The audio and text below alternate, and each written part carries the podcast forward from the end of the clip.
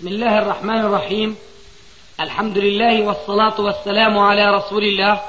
أما بعد فهذا أحد أشريطة سلسلة الهدى والنور من الدروس العلمية والفتاوى الشرعية لشيخنا محمد ناصر الدين الألباني حفظه الله. نسأل الله أن ينفع به الجميع. والآن مع الشريط الرابع والخمسين على واحد. كما قال عليه السلام كتب على ابن آدم حظه من الزنا فهو مدركه لا محالة. حظ من الزنا لأن الزنا درجات ومراتب كما ذكر الرسول عليه السلام في هذا الحديث. كتب على ابن آدم حظه من الزنا فهو مدركه لا محالة. فالعين تزني وزناها النظر والأذن تزني وزناها السمع واليد تزني وزناها البطش أي اللمس أي المصافحة التي صارت اليوم عادة وما كانت هذه العادة في بلاد الإسلام وإنما دخلتها بسبب استعمار الكفار لبلاد الإسلام. واليد تزني وزناها البطش والرجل تزني وزناها المشي والفرج يصدق ذلك كله أو يكذبه. فاللي ممكن الإنسان ينجو منه هو ثمرة هذه المقدمات وهو الزنا أما نظرة هيك غادرة لا ينجو منها إلا نقول الأنبياء والصديقين وأمثالهم. فإذا هذه الذنوب التي يقع فيها الإنسان من صغائر فضلا عن قد يكون هناك شيء من الكبائر شو تطهيرها؟ شو كفارتها؟ ماديا الذي لا يتداوى. فهذا مثل مصير الهلاك. لأنه تتراكم عليه الجراثيم والميكروبات فبكون خاتمة أمر الهلاك. كذلك من الناحية المعنوية الروحية المسلم الذي لا يصلي فهو حتما غرقان في المعاصي والذنوب. وليس كما نسمع أحيانا بعض الشباب نقول له يا أخي صلي بدك شو شيء بالصلاة لكان شيء بترك الصلاة. شيء عجيب يعني منطق غريب. شيء بالصلاة لكان بإيش الصلاة؟ بإيش بيكون الشيء بيقول لك بما في القلب. كمان هذه مجادلة بالباطل أو حاش الشيطان إلى أوليائه من الإنس لأن الرسول عليه السلام يقول في الحديث الصحيح ألا وإن في الجسد مضغة إذا صلحت صلح الجسد كله. وإذا فسدت فسد الجسد كله ألا وهي القلب. فكيف نستطيع أن نتصور مسلما قلبه أبيض؟ وهو لا يصلي. لا هو مفحم قلبه. ولذلك ما ينبض بهذه الحياة الروحية أبدا. فبيقول لك هذا الشاب المفتتن مسكين شيء بالصلاة نعم شيء بالصلاة لأن الله حكى عن الكفار في جهنم حينما يتحسرون أن أحدهم يقول ولم أكن من المصلين ولم أكن ولم أكن أطعم المسكين وكنا نخوض مع الخائضين. نعم؟ أيوة.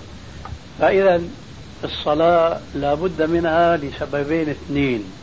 أولا أنها فريضة فرضها الله فنحن نعبد الله بها. والشيء الثاني أنها دواء لهذه الذنوب التي تحيط بالإنسان ولا بد منها. فالصلاة عمود الدين ورأس الدين ويكفي ما سمعناه آنفا من قوله عليه السلام من ترك صلاة يعني واحدة فقد برئت منه ذمة الله ورسوله. أما جمع الصلوات خمسة في وقت واحد فهذا الذي لا يفعل هذه الصلوات يعني أقل ضلالا. كدت أن أقول أهدى سبيلا لكن طبعا ما هو بالمهتدي لكنه أقل ضلالا. أما الذي يجمع هذه الصلوات فهو أشد ضلالا. لماذا؟ لأن هذا يظن أنه يصلي والحقيقة أنه لا يصلي.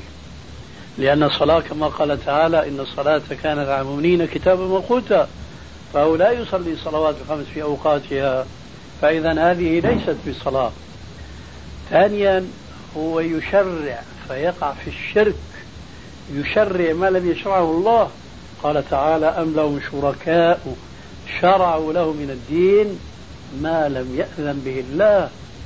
فعلى هؤلاء الشباب الذين يؤثرون الحياة الدنيا على الآخرة أن يحافظوا على الصلوات في أوقاتها وأن لا يعملوا مع معلم أو ريس يشرط ويفرض عليهم خلاف ما فرض الله عليهم. صلاة ما في عندنا صلاة مشيخة ما في عندنا. فلما يفاجأ الشاب المسلم بمثل هذا الشرط فشرط الله عز وجل أحق وشرط غيره باطل. وكل شرط كما قال عليه السلام في غير هذه المناسبة كل شرط ليس في كتاب الله. فهو باطل ولو كان مئة شرط. إذا هؤلاء يجب أن ينصحوا ويذكروا ويعرفوا بدينهم. قال عليه السلام في الحديث الصحيح يا أيها الناس اتقوا الله. يا أيها الناس اتقوا الله. فإن أحدكم لن يموت حتى يستكمل رزقه وأجله فأجملوا في الطلب فإن ما عند الله لا ينال بالحرام. نحن نقول للشاب عليك أن تسعى وراء الرزق الرزق الحلال مش الرزق الحرام. الرزق الحلال. ولا نقول له لا تشتغل اشتغل. كما في القرآن في آيات كثيرة منها ما أشرت إليها. ومنها يوم الجمعة الذي جعله المسلمون خطأ وتقليدا منهم للكفار فإذا قضي الصلاة فانتشروا في الأرض وابتغوا من فضل الله. يوم الجمعة اليوم بيعطلوا تشبها بالنصارى واليهود. هذول عندهم يوم السبت اليهود والنصارى عندهم الأحد. ليه نحن ما يكون عندنا يوم مثل اليهود والنصارى؟ ما شاء الله. ربنا يقول بصريح القرآن الكريم فإذا قضيت الصلاة فانتشروا في الأرض وابتغوا من فضل الله. شو بده بال المسلم أكثر من هذه الآية؟ حضا على السعي وراء الرزق. لكن هذا ليس معناه اطلب الرزق بالحرام. آه اترك الصلاة مشان ترضي معلمك. لا. فموضوع السعي وراء الرزق شيء وموضوع المحافظة على العبادات والصلاة في أثناء تعاطي سبب الرزق شيء آخر. تفضل يا أخي شو عندك؟ تفضل. آه، صلاة الجمعة. آه، إذا كنت بدي يكون معك دقيق في لفظك سنة لأن السنة إلى دلالة فقهية وهي العبادة التي كان الرسول يفعلها دائما أو في غالب الأحيان. فحينئذ إذا كان هذا مقصودك بلفظة السنة أقول ليس للجمعة سنة قبلية لكن لها سنة بعدية. هذه السنة البعدية مخير فيها المسلم بين يصلي ركعتين أو يصلي أربعا. وهو مخير بين أن يصليها الركعتين أو الأربع في المسجد أو في البيت والبيت أفضل. لقول عليه السلام فصلوا أيها الناس في بيوتكم فإن أفضل صلاة المرء في بيته إلا المكتوبة. فقبل صلاة الجمعة ما في سنة بالمعنى الفقهي اللي ذكرناه آنفا. لكن في هناك أمر مرغوب فيه مندوب لكل من دخل يوم الجمعة المسجد عليه أن يصلي ما تيسر له. في بعض الأحاديث ما كتب الله له. في حديث آخر ما بدا له. يصلي ركعتين أربعة ستة ثمانية عشرة إلى أن يصعد الخطيب على المنبر فحينئذ تنتهي الصلاة ويتهيأ للإنصات والإصغاء. هذا جواب سؤالك نعم؟ أي نعم. تفضل. من يأتي بعد الاذان الثاني منهم من يأتي حتى في نهاية الخطبه اي نعم هل هذا تخبر يعني يكتب له الجمعة كمن أتى مثلا قبل الأذان الأول؟ نعم هل يدرك من صلاة الجمعة ركعة بيكون أدرك صلاة الجمعة والذي لا يدرك ركعة تنقلب ظهرا؟ نعم. أنا جاوبتك لأنه اللي بيدرك ركعة ما أدرك الركعة الأولى وبالتالي ما أدرك الخطبة. فمن قال عليه السلام من أدرك من صلاة الجمعة ركعة فقد أدرك الجمعة. لا أهمية أنا جبت. لا أريد أن أسمع الخطبة أصلي ركعتي الجمعة وأذهب. سامحك الله. قول آمين. قول آمين لأنه دعوة هذه للجميع إن شاء الله. هذا أخي يفتح لنا بابا من الفقه. الصلاة بصورة خاصة من بين العبادات أحكامها تختلف. بعضها شرط أو ركن. وطبيعة الشرط والركن أن العبادة لا تصح بتكون باطلة إلا بهما. بعض هذه العبادات أو الأجزاء من العبادة التي هي الصلاة ما بتكون شرط ولا ركن بتكون فرض أو واجب. الفرق بين الفرض والواجب هو أنه ما بيلزم من إضاعة الفرض أو الواجب ضياع العبادة كلها. الآن نضرب نحن مثلا بما نحن فيه. ربنا قال يا أيها الذين آمنوا إذا نودي للصلاة من يوم الجمعة فاسعوا إلى ذكر الله وذروا البيع. فما بيجوز الإنسان مجرد ما يسمع الأذان أن يعمل شيئا. بيع وشراء يكون باطل لا ينعقد. ويذهب لذكر الله يعني لسماع الخطبة. فهذا واجب عليه. لكن لا يعني أنه إذا فات هذا الواجب بطلت الصلاة لأنه ما هو ركن من أركان الصلاة. عرفت كيف؟ آه. فإذا نحن أخذنا بالآية نهتم بسماع الخطبة لا سيما ونحن أحوج ما نكون في هذا الزمان. هل انصرفت همة الناس شبابا وشيوخا عن العلم تعلما وتعليما؟ أنا أدركت في بعض المساجد في دمشق ندخل في أي وقت من أوقات الصلاة فنجد حلقات منعقدة في أطراف المسجد. هذا الشيخ بدرس على الطلاب دون حديث هذا بدرس تفسير هذا بدرس فقه هذا بدرس نحو لغة إلى آخره. الآن أصبحت المساجد كلها خاوية على عروشها. وبتجي كمان المعالجات اللي بتصدر من وزارة الأوقاف هي نفسها على طريقة معالجة أبي نواس وداوني بالتي كانت تداوي. انتهت الصلاة سكرنا الأبواب. بدل ما نيجي نحض الناس آه بدل ما نحض الناس على أنه يلزموا المساجد والرسول عليه السلام جعل من الرباط أن ينتظر المسلم الصلاة من الصلاة للصلاة الثانية. الشاهد فنحن اليوم أصبحنا بعيدين عن الحياة الإسلامية كل البعد. أي نعم. فشو بقي عندنا؟ بقي عندنا أشياء لابد منها منها صلاة الجمعة وخطبة الجمعة. فأنت بتقول إذا ما في ضرورة أنه نحضر خطبة الجمعة. ما في ضرورة لتصحيح صلاة الجمعة فريضتها. لكن هي ضرورة مستقلة منفردة لحالها لابد منها. تنفيذا للأمر الإلهي السابق. تسعوا إلى ذكر الله وذروا البيع. أنا بقول لكم شيء الآن. وأعني به تنبيه بعض الناس إلى واجب أعتقد بتجربتي في العمر الطويل اللي ربنا عز وجل امتن به علي أكثر الناس لا يقومون بهذا الواجب وهو قوله عليه السلام غسل الجمعة واجب على كل محتلم. غسل الجمعة واجب على كل محتلم. إذا الرجل قضى وطره من زوجته ليلة الجمعة لابد من بعد طلوع الفجر أنه يغتسل للجمعة. لكن إذا ما اغتسل صلاته صحيحة.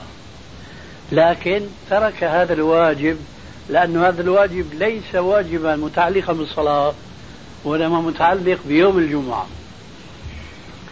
وهذا يشعر الإنسان بأهمية هذا الحكم في بعض أيام بعض الأشهر خاصة في هذا الزمن الذي ابتلي به الناس بلبس الجوارب النايلون فيأتي أحدهم إلى المسجد يوم الجمعة وقد يكون عمال شغال فبتسمع خاصة لما بتسجد وبيكون هو ساجد أمامك بتشم رائحة منتنة جدا. أنا أحكم رأسا أنه هذا ما اغتسل. والله أعلم يمكن صلاة الصبح توضأ وجاي يصلي الجمعة بهذا الوضوء وهو من شغله ومشيه والدنيا صيف وعتار وغبار وإلى آخره تطلع هذه الرائحه الكريهة. فقال عليه السلام توجيها للمجتمع الإسلامي كحياة تستمر على كل أيام السنة وهو أن يغتسل المسلم ليوم الجمعة. هكذا قال عليه السلام بلسان عربي مبين غسل الجمعة واجب على كل محتلم معنى محتلم يعني بالغ مكلف. اليوم كثير من الناس لا يغتسلون هذا الاغتسال بيغتسل من باب النظافة وهذا لا مانع منه. لكن يجب أن يعني غسلا خاصا ليوم الجمعة فقد جاء في مستدرك الحاكم أن أبا قتادة الأنصاري دخل على ابنه في بيته وهو يغتسل. فقال ما هذا الغسل؟ قال هذا غسل جنابة. قال أضف إليه غسل الجمعة. ثم ذكر هذا الحديث. الشاهد أنه إذا واحد ما اغتسل ارتكب إثما لكن صلاة الجمعة صحيحة لأنه هذا ليس شرطا من شروط صحة صلاة الجمعة. وضح لك أظن هذا هذا المعنى. تفضل. الإنسان اليوم في الوقت الحاضر كانوا في هذيك الأيام مرة في الجمعة يتحممون المرة يغتسلوا اليوم كل يوم الصبح الإنسان هذا أنت الظاهر عم تحكي عن نفسك ما يكفيني يا سيدي الشيخ. اليوم ما يكفيني ما هو بقيس الناس عليه. بصورة عامة مش بصورة هو عامة تقريبا عامة كثير اليوم أول كانوا يدوروا أنت أنت الظاهر يا أبو خضر مذهبك على مذهب اللي بيقول واحد أتى حلاله وخرج يتنزع على ساحل البحر. زلت به القدم وقع في البحر وطلع. طلع إيش؟ طاهر. هذا مذهبك الظاهر. يعني بدك لا لا نحن ما ما في صدد من نجسه ولا من طهره نحن في صدد. هل اغتسل هذا غسل جنابة؟ على مذهبك اغتسل. أما على مذهب القائل إنما الأعمال بالنيات وإنما لكل من ما نوى هذا ما اغتسل. ولذلك لما أنت بتقول وبتفرض فرضية هي قضية نسبية مثل ما قلت لك. هذا أنت بتغتسل مثلا بالأسبوع مرتين ثلاثة الله أعلم. لكن الناس مو كلهم بتيسر لهم هذا العمل. هب أن إنسانا هو كما تقول. بيغتسل مرتين ثلاثة في الأسبوع. لكن هذا ما اغتسل من أجل ائتمار بأمر الرسول. ولا تنسى تشرب يدك شمال. اصحى انتبه. أبو خطر بخرب على الشباب ليه؟ كل كلمة بيجي فيها سؤال شغلة واضحة لا ما هو الشيخ اسمحنا شوي خلي خلي خلي خليها الجبهة تتحرك شوي هي مأمور انه ابو فتاة دخل اجى على ابنه وهو بيغتسل وسأله عن الغسل الجنابي قال له أضف إليه. غسل اخر هو غسل يوم يعني شو معنى في فرق بين غسل الجنابه وبين غسل الجمعة؟ يعني اغتسل غسل جنابي. نعم. له أن يصلي. لأنه طاهر. أيوه. لكن أمره أنه يصب الماء مرة ثانية من أجل غسل الجمعة. غسل الجمعة عرفت كيف؟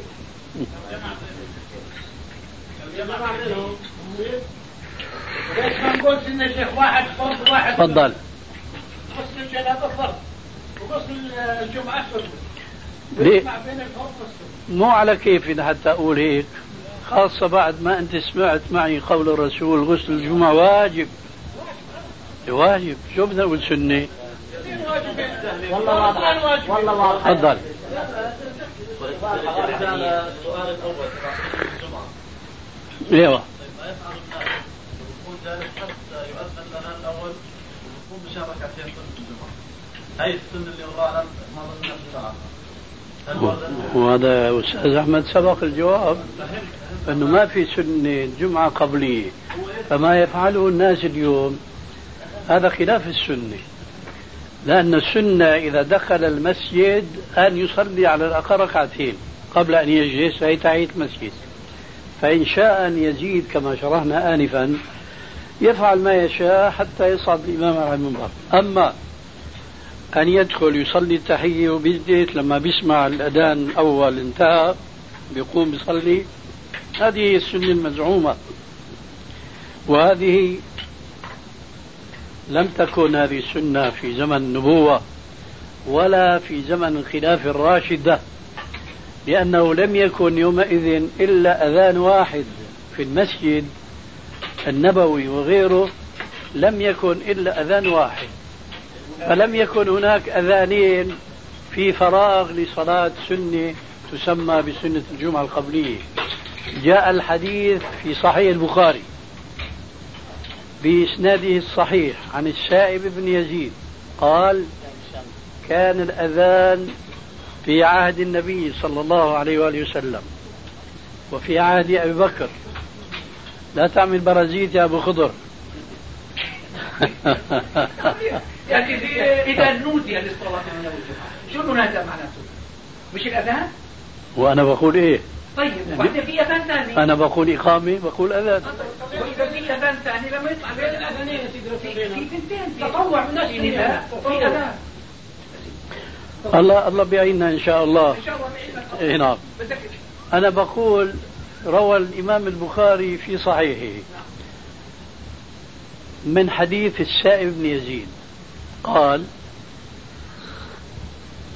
كان الأذان في عهد النبي صلى الله عليه وآله وسلم وعهد أبي بكر وعمر أذانا واحدا. بالعربي بتكلم أبو خضر أذانا واحدا مش بالألباني. حتى أنت تقول في أذان ثاني هو بيقول السائب يزيد صحابي من الشبيبة الناشئة في طاعة الله لأنه بيقول حج به أهله مع النبي صلى الله عليه وسلم وهو ابن سبع سنين. حج ابن سبع سنين. هو بيحدثنا بهذا الحديث الصحيح. كان الأذان في عهد النبي صلى الله عليه وسلم وفي عهد أبي بكر وفي عهد عمر أذانا واحدا يؤذن المؤذن إذا صعد الخطيب المنبر. سميها ما شئت. أنا ب... أنا بهمني الحقائق. اسمه أذان هو سمى أذان. أنت بتسميه نداء. معليش. معليش معليش كان الأذان أذانا واحدا إذا صعد الخطيب المنبر. واستمر الأمر على هذا حتى جعل عثمان بن عفان أذانا آخر على مكان اسمه الزوراء خارج المدينة. يقول العلماء كان هذا المكان موئلا ومثابا للتجار يجتمعون هناك يوم الجمعة. واتسع البنيان في عهد عثمان فأصبح الأذان المسجد النبوي لا يبلغ مسامع الناس هناك في الزوراء فجعل الأذان الثاني. هذا اسمه أذان ثاني باعتبار زمن تشريعه. لكن هو لم يكن هناك فاصل بين الأذانين بحيث أن المصلي يصلي ركعتين فضلا عن أربع ركعات كما يفعلون اليوم. لا. لكن متى وجدت هذه البدعة؟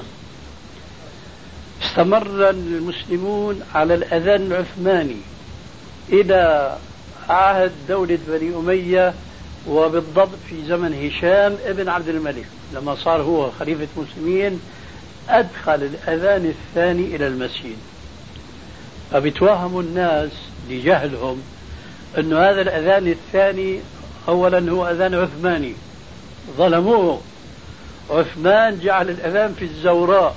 بمعنى لو كان في زمن عثمان مكبرات الصوت كان بيستغني عن هذا الأذان الثاني بيسحب سلك هيك ومكبر صوت. أذان واحد. وانتهى هذا هو اي نعم فبيتوهموا أنه هذا أذان عثماني، ثانيا بيتوهموا أنه بين الأذانين في وقت فراغ كمان هذا خطأ. ثالثا بيتوهموا أنه كان في المسجد.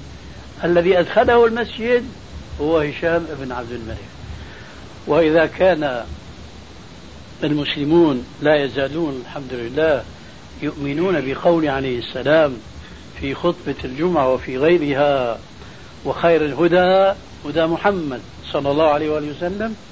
إذا يجب على المسلمين أن يعودوا إلى سنته عليه السلام وكما قال أهل العلم وكل خير في اتباع من سلف وكل شر في ابتداع من خلف. فهذه السنة النبوية أذان واحد والمؤذن يؤذن حينما يرى الخطيب على المنبر. ما في غير هذا الأذان. إذا دخل الإنسان إلى المسجد مبكرا في الساعة الأولى يصلي ما شاء يقرأ قرآن يصلي على النبي عليه السلام يا آخره. فإذا صعد الخطيب المنبر ما بقى في صلاة إطلاقا. لعلي أجبتك يا سيد أحمد. هذا. الجمعة لكن بغير الجمعة. آه. بين الأذان والأقامة؟ في ركعتين آه، صلاة؟ طبعا في سنة قبل الظهر في عندك ركعة. غير السنة. إيش؟ بقصد أنا بين العصر ما فيش العصر ما فيش سنة قبل الجلوس لا تورط. لا تورط حالك أنت. ما تقول ما في. في. إيه. بس خليك سؤالك شو هو؟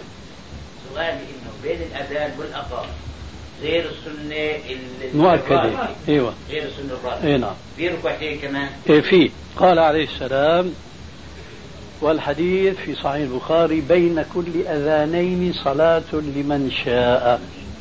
وقال لمن شاء كراهية أن يتخذها الناس سنة. هذا نفل. بين كل أذانين صلاة لمن شاء. وحتى المغرب حتى صلاة المغرب يعني بيقولوا أنه وقته ضيق يرد هذا الحديث فيه. يعني لك أن تصلي بين إقامة الصلاة صلاة المغرب وبين الأذان. لأنه مع هذا الحديث في حديث صريح وهو قول عليه السلام. أي عديت لنا جارك يا أبو عبد الله. اسمح لي شوية بنجيب حديث منه قال عليه السلام صلوا قبل المغرب ركعتين. صلوا قبل المغرب ركعتين. صلوا قبل المغرب ركعتين قال في الثالثة لمن شاء كراهية أن يتخذها الناس سنة. فإذا كل الصلوات الخمس في يصلي الإنسان ما يشاء وأكد الرسول عليه السلام بالنسبة لصلاة المغرب في هذا الحديث. في ناس بيدعوا أنه يكره الصلاة بين المغرب. نعم؟ ما بيصلوا هذا خطأ. وإضاعة للفضل. تفضل يا أستاذ. هل يجوز التحدث بأمور دنيوية بين الأذان والإقامة؟ في المسجد. في المسجد طبعا ولا كان أذان والإقامة في المسجد لا يجوز.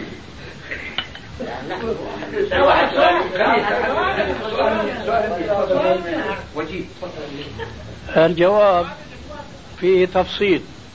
يجوز ولا يجوز. يجوز ولا يجوز. إذا كان الكلام كلام عارض مثلا إنسان دخل المسجد شاف صاحبه قال له مدي ما شافه. السلام عليكم وعليكم السلام. كيف حالك يا أخي؟ كيف عيالك؟ كذا إلى آخره. هذا دنيوي طبعا. هذا بيجوز لكن يقعدوا في المسجد ويعملوا جلسة يتفقدوا فيها أسعار العملة أسعار البضاعة إلى آخره. فهذا طبعا ما كما قال عليه السلام في مناسبة أخرى إن المساجد لم تبنى لهذا. فإذا الكلام العادي ما في منه مانع أما الكلام اللي يراد فيه حطام الدنيا فهذا لا يجوز. نعم. إيه جزاك الله خير. تفضل. هل على المدين غير المحسن زيادة على الدين نرد الدائم على غير زيادة على يعني هو استدار مثلا ألف. هل عليه أن يرد ألف, ألف دينار؟ ما طلب يعني هون صار سؤالين ولا سؤال واحد؟ هل على المدين غير المحسن المماطل أن يرد شيء مع الدين؟ كأنك تقصد إذا مقابل المماطلة آه إذا لاحظنا كلمة عليه لأن كلمة عليه تعطي معنى الوجوب. والجواب أنه لا بل هذا ربا. لكن له له أن يوفي الدائن له أكثر مما أخذ منه. هذا من مكارم الأخلاق. بمعنى إذا أنا استدنت منك ألفا إلى أجل وأنا وفيتك في الأجل. وأعطيتك ألف ومئة. حلال لك أن تأخذ المئة وفضيل لي أن أقدمها إليك بطيب نفس. لأن هذا ما فعله الرسول عليه السلام وقال في ذيك المناسبة خيركم. جاء يطلب جملا مقابله.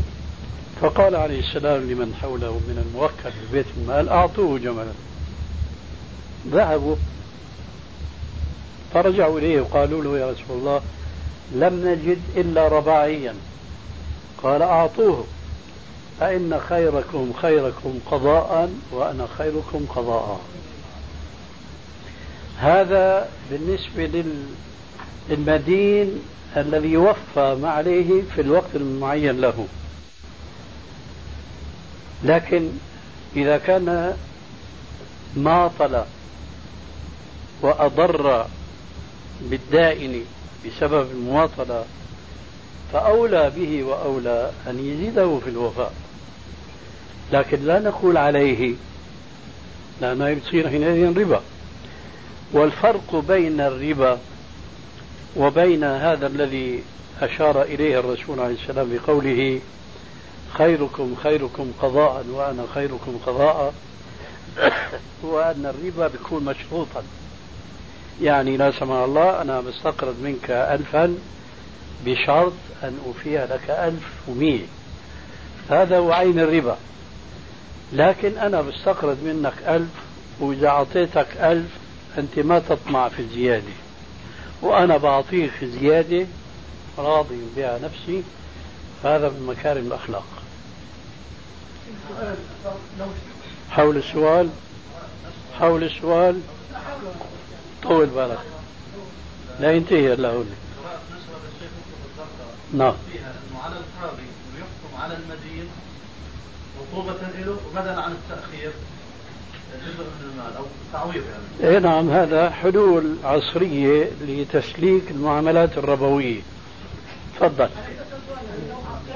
دينار أو 2000 3000 قال له قل بس أنت تدفع زكاة هذا غريبة يعني. شلون؟ أنا بعطيك 1000 دينار 2000 دينار. عندك مدة سنة سنتين. بس بشرط عليك بقول لك أنت تدفع شرط عليك زكاة تدفع مبين مبين مكتوب من عنوانه. ربا. مكشوف. نعم. الزكاة بيدفعوا إذا بقي المال عند المستقرض إذا بقي أنا مثلا اقترضت منك ألفا. لأعمل بها؟ لكن الألف حطيته في الصندوق.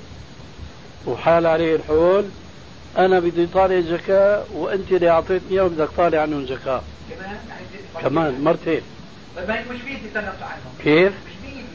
أنا مش حاكي مش حاكي عليهم. أنا ما بقدرش أخذهم منك بعد. لو أخذهم منك بصيروا إيه؟ أما بعدهم مش إلي.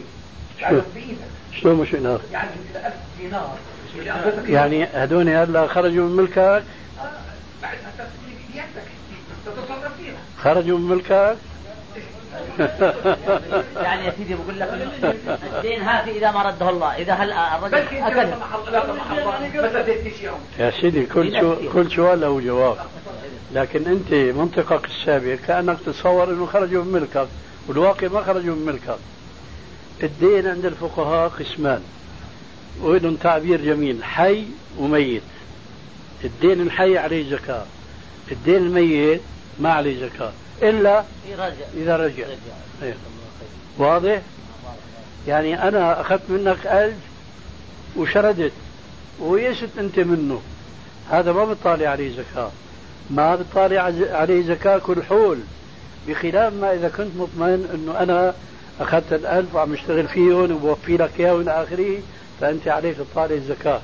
لكن إذا غلب على ظنك أنه هذا الألف راح ما عاد يرجع إليك ما بتطالع عنه زكاة إلا إذا رجع في آخر الزمان فحين ذاك لابد من إخراج الزكاة. نعم عبد الله. يا نصيب شائع بين الناس. وبعض الناس يقول إن هاي ورقة اليا نصيب ويدفعها للفقراء ومقابل هذا الدفع يأخذ آه، سند قبض. يعني هاي الورقة تعتبر سند قبض. هل هذا الكلام صحيح؟ يسمونها بغير اسمها. اي نعم. نصيب الخيري سبحان الله. الرسول عليه السلام يعني أخبر عن أشياء نلمسها لمس اليد. قال لا يكونن في أمتي أقوام يشربون الخمر يسمونها بغير اسمها. ثم اتسع الخرق على الراقع فأصبح كثير من المحرمات يسمونها بغير اسمها. وهذا أمر مشاهد وابتلوا بها حتى حتى الصالحين من المسلمين حتى أهل العلم. ما تكاد تسمع اليوم آه، كلمة الربا لأنه حل محلها كلمة الفائدة. فائدة. البنك الفلاني بياخذ فائدة بالمية خمسة. البنك الفلاني بياخذ بالمية اثنين ونص. ما حدا بيقول منهم بياخذ ربا. هذول أهل العلم فماذا نقول عمن دونهم لذلك اتقوا الله.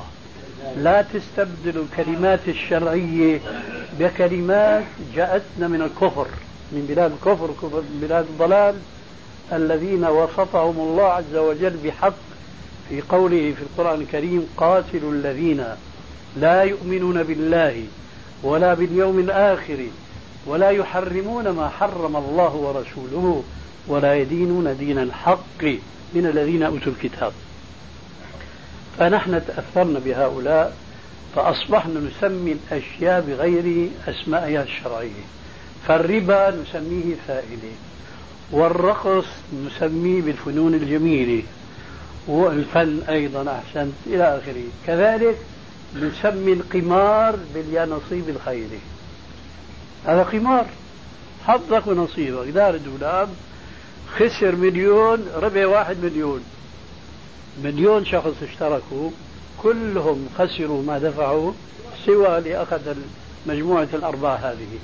هذا هو القمار نفسه لكن مشان تسليكه على الناس سموه إيش؟ لا نصيب الخيري وانطلى الأمر على الناس دخل القمار حتى على التجار وأصحاب المصانع الله اجمع كذا ويلك جائزة واشتري كذا نعم. يعني صار يروج للكبار الأمة كلها أصحاب رؤوس الأموال راح الشمس تبع الدكتور نعم. صار تفضل. كلها قمار. سؤال نفسه شيخ. نعم سؤال نفسه زي ما ذكروا بعض الإخوان إنه في يعني إنسان عنده بضاعة يريد إنه يروج هذه البضاعة اللي بياخذ مثلا علبه الحليب عليها مبلغ كذا جائزة أو نعم نعم. آه، هل هذا يجوز؟ هذه إلى تفصيل. هي سووها بالبيبسي وغيرها نحطوا لها. نفس الشيء. نعم. هذه الحقيقة لها أنا ما أدري هم ماذا يفعلون لكن من الناحية الشرعية بتصورها على وجه من وجهين. لو فرضنا هالبيبسي مثلا. كان يباع بقرش.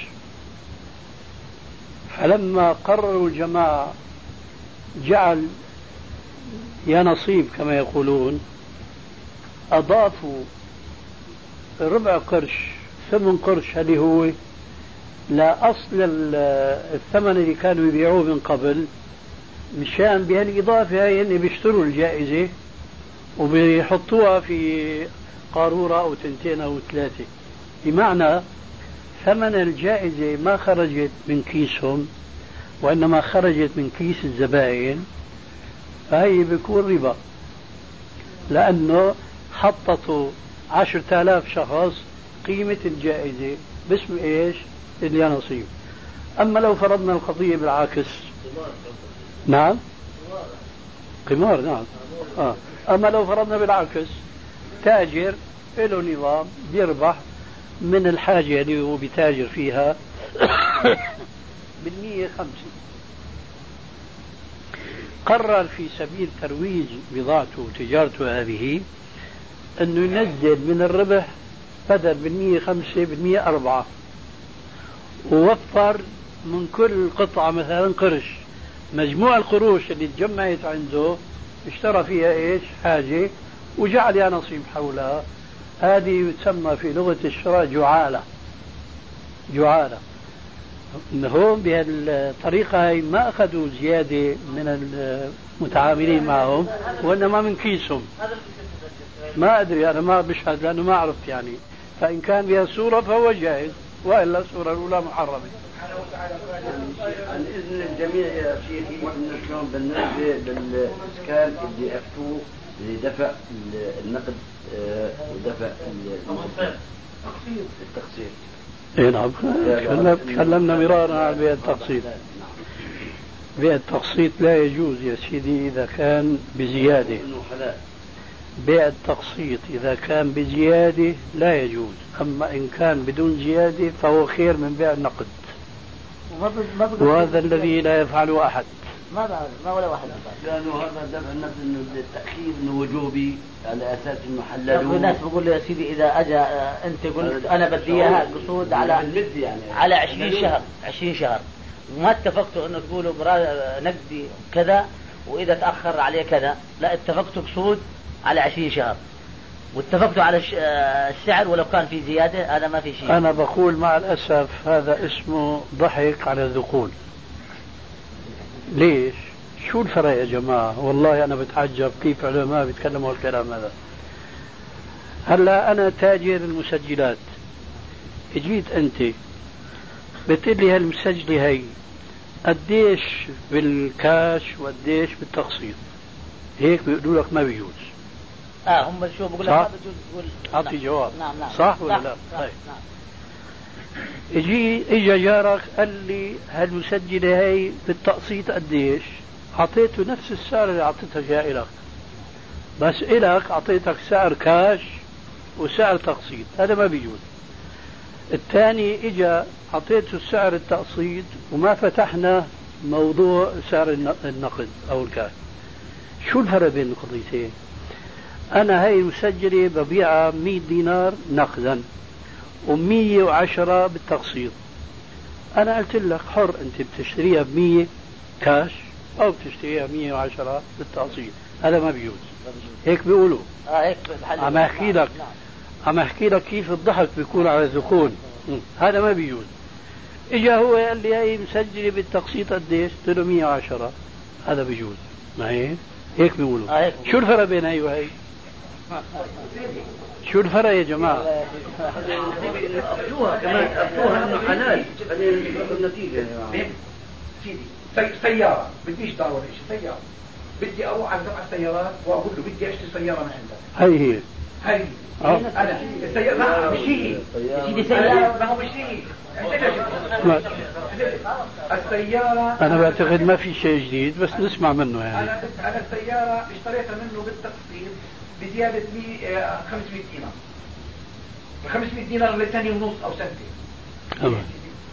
هذا أنا لما أدفع مقدما كذا وأخذ السيارة من زلمة أنا بستعمل السيارة يعني بيعطيني هذا لسواد عيني بستعمل السيارة وبدفع له إيجار استعمال السيارة 500 دينار للسنتين فهل هذا حرام؟ شو تكلم كان؟ هذا مش مستعمل. قلت لك ما في شيء جديد هذا شيء ثانوي. شوفي انت بتستعمل السياره لعمل لقضاء حاجتك. ففيش معك تدفعها كاش 5000 دينار. تحسب 5500 وبتاخذ السيارة سنتين وبتحرص عليها لا تهلكها وبتدفع 500 دينار إيجار عملك إلى. يعني هنا شرعي. إيه. وهذا أنا بعتقد إنه والله أعلم بالجرايد يا سيدي البنك الإسلامي. طول بالك خليه خليه. أنا إذا أخذت منك ألف دينار. اصبر. ألف دينار. أنا صبرت عليك وعارف إنك بدك تحكي مكانك راوح. الصورة اللي حكيتها هي هي الصورة. بس شو الشكل؟ غير الشكل. غير الشكل. كان مسجل صارت سيارة. وهذا بده يستعمل هذا هي هي مشكلتنا. هلا طول بالك. أنا فاهم إنك بدك تحكي شكلية لأنه بين سيارة وبين مسجل ما في فرق. وصبرنا عليك. بقي عليك بقى تصبر علينا بالمقابل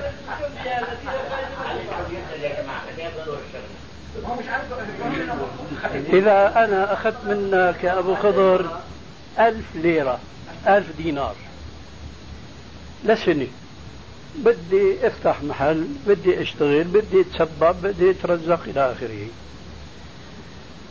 على أساس إنه الألف ليرة بوفي لك إياها ألف وخمس دنانير. بيجوز؟ ما بيجوز؟ خليك عندك. لكن أنا بهالألف ليرة صرت غني. ها؟ طول بالك. طول بالك. أنا بدنا نحكي عن شركة لما أنت حكيت عن السيارة ما كان في سيرة شركة ليش هلأ عم تدخل موضوع الشركة قال طول بالك. أنا بدي ناقشك على منطقة. أنا لما أو زيد من الناس وأنا أستغفر الله من أنه استقرض بالربا. زيد من الناس اشترى السيارة لثمنها نقدا 4000 ل 4500 اشتغل فيها سنتين على قولة أبو خضر فهو استفاد. استفاد. أنا أخذت منك ألف ليرة مقابل خمس دنانير زد لك يوم. أنا استفدت أكثر. فإذا اسمح لي القضية لا تعلل بالفائدة لأنك ترجع للربا. لا تعلل قضية فائدة لأنه اللي بيقرضك نقد بفيدك أيضا. لما بتروح أنت هلأ كثير من الناس بيفتحوا محلات ما عنده ولا قرش. صحيح ولا لا؟ هذول استفادوا. هلأ هالبنوك هي هالبنوك أكبر مثال. رأس مالها ملايين. منين هذا الرأس مال؟ إياها؟ من الربا من أموال الناس. فإذا هذول استفادوا. لكن يجب أن نعلم نحن بصفتنا مسلمين. ليس كل فائدة مادية نحن من المسألة لمس اليد أنه هي فائدة شرعية. هاي النقطة نحن عم نغفل عنها. فأنت لما بتقول هذا أخذ السيارة بالتقسيط هذا استفاد. نعم أنا بوقع لك على بياض أنه استفاد. لكن البحث هل هذه استفادة مشروعة أم محرمة؟ هذا هو البحث. ليس البحث استفاد ولا ما استفاد. استعملها لا شو معنى استفاد؟ الله يهديك. الله يهديك يا أبو خضر. شو معنى استفاد؟ إذا استعملها. اي نعم كمان هذا بيجوز والله أعلم. بيت إذا بدك تكون فيه بدل ما بترجع كل حال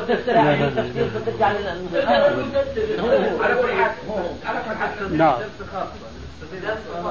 اي نعم. يلا وخاصة صار الوقت تقريبا زاد. وبتشتغل فيهم تجارة مثلا وإيده ثلث المربح. حرام ولا حلال؟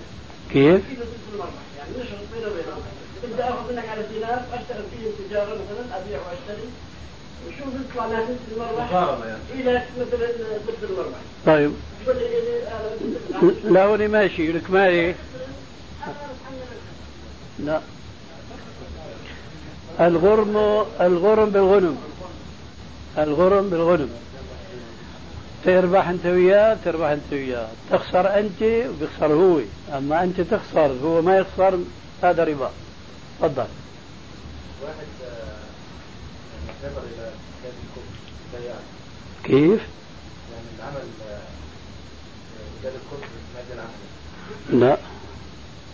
ما يجوز للمسلم أن يسافر من بلاد الإسلام إلى بلاد الكفر إلا في سبيل الاطلاع والعبرة. أما في سبيل العمل ألم تكن أرض الله واسعة فتهاجروا فيها؟ وقال عليه السلام المسلم والمشرك لا تتراءى نارهما مجاورة ما بيجوز المسلم يجاور الكافر لأنه الطبع سراق. فما بالك إذا سكنت أنت أو غيرك في بلاد الكفر والفسق؟ هناك السرقة القاهرة. ولذلك ترون كثير من الشباب إذا ذهبوا إلى تلك البلاد رجعوا في أسوأ مما كانوا كثير. وإن كنا نلمس أن بعضهم يعودون بخير مما كان لكن هذا نادر والنادر لا حكم له. ودائما نحن يجب أن نأخذ الأحكام من أدلتها الشرعية. فالرسول عليه السلام يقول من جامع المشرك فهو مثله. من جامع يعني خالطه وصاحبه. من جامع المشرك فهو مثله. وقال أنا بريء من مسلم آه، جاور المشركين في بلادهم. وأحاديث كثيرة وكثيرة جدا تنهى عن هذه المجاورة وعن هذه المصاحبة.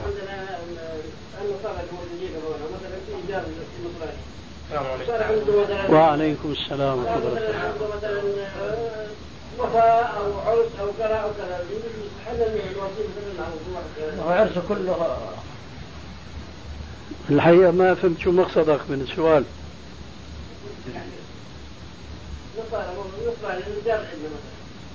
صار عنده وفاة أو صار عنده طيب صار عنده وفاة بتروح بتروح بتعزيه. شو بتقول له؟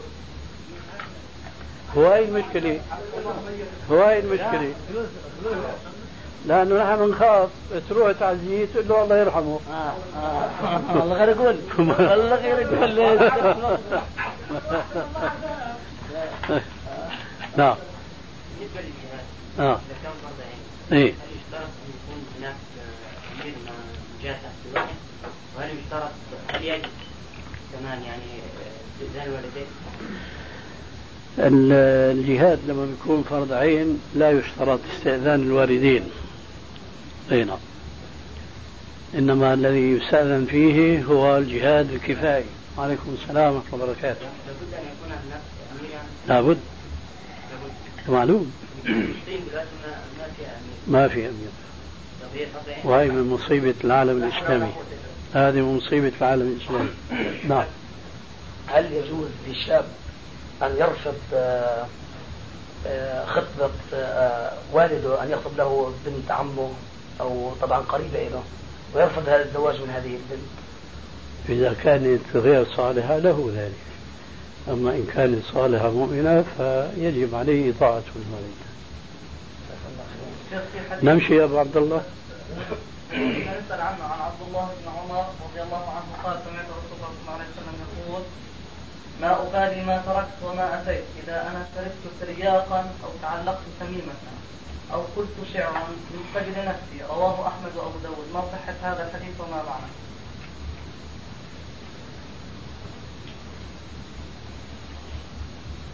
هو هذا أنت نقلت من كتاب على أنه من كلام الرسول ولا من كلام الصحابي؟ هو من كلام الصحابي. هذا هو.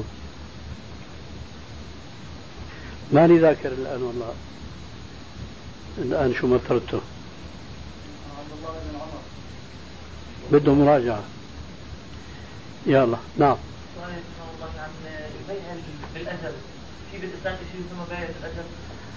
عند المسلمين اليوم في. في كتب في فقه السنة والله أعلم مرة إن البيع بالأجل في شيء يعني ما الرسول بارك الله فيك اشترى بالأجل. لكن مفهوم الأجل اليوم اختلف عن المفهوم السابق. ولعلك تتذكر لما قلت آنفا أنه بيع التقسيط إذا كان بسعر النقد فهو أفضل. هذا هو بيع الأجل لكن هذا غير موجود قلنا أيضا آنفا أن هذا النوع مش موجود.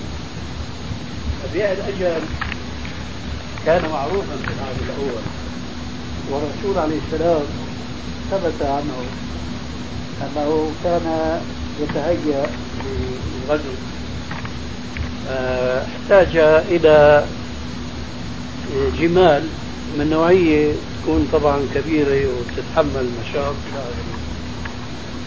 فأمر أحد الصحابة وهو عبد الله بن عمرو بن العاص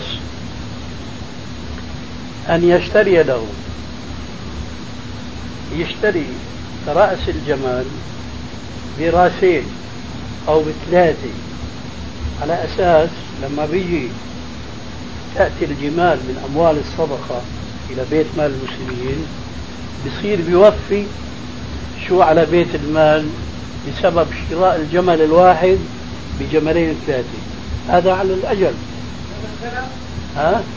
لا مو سلم هذا. لا هذا بيع الأجل. بس هذا بيع الحيوان. شايف؟ هذا موجود.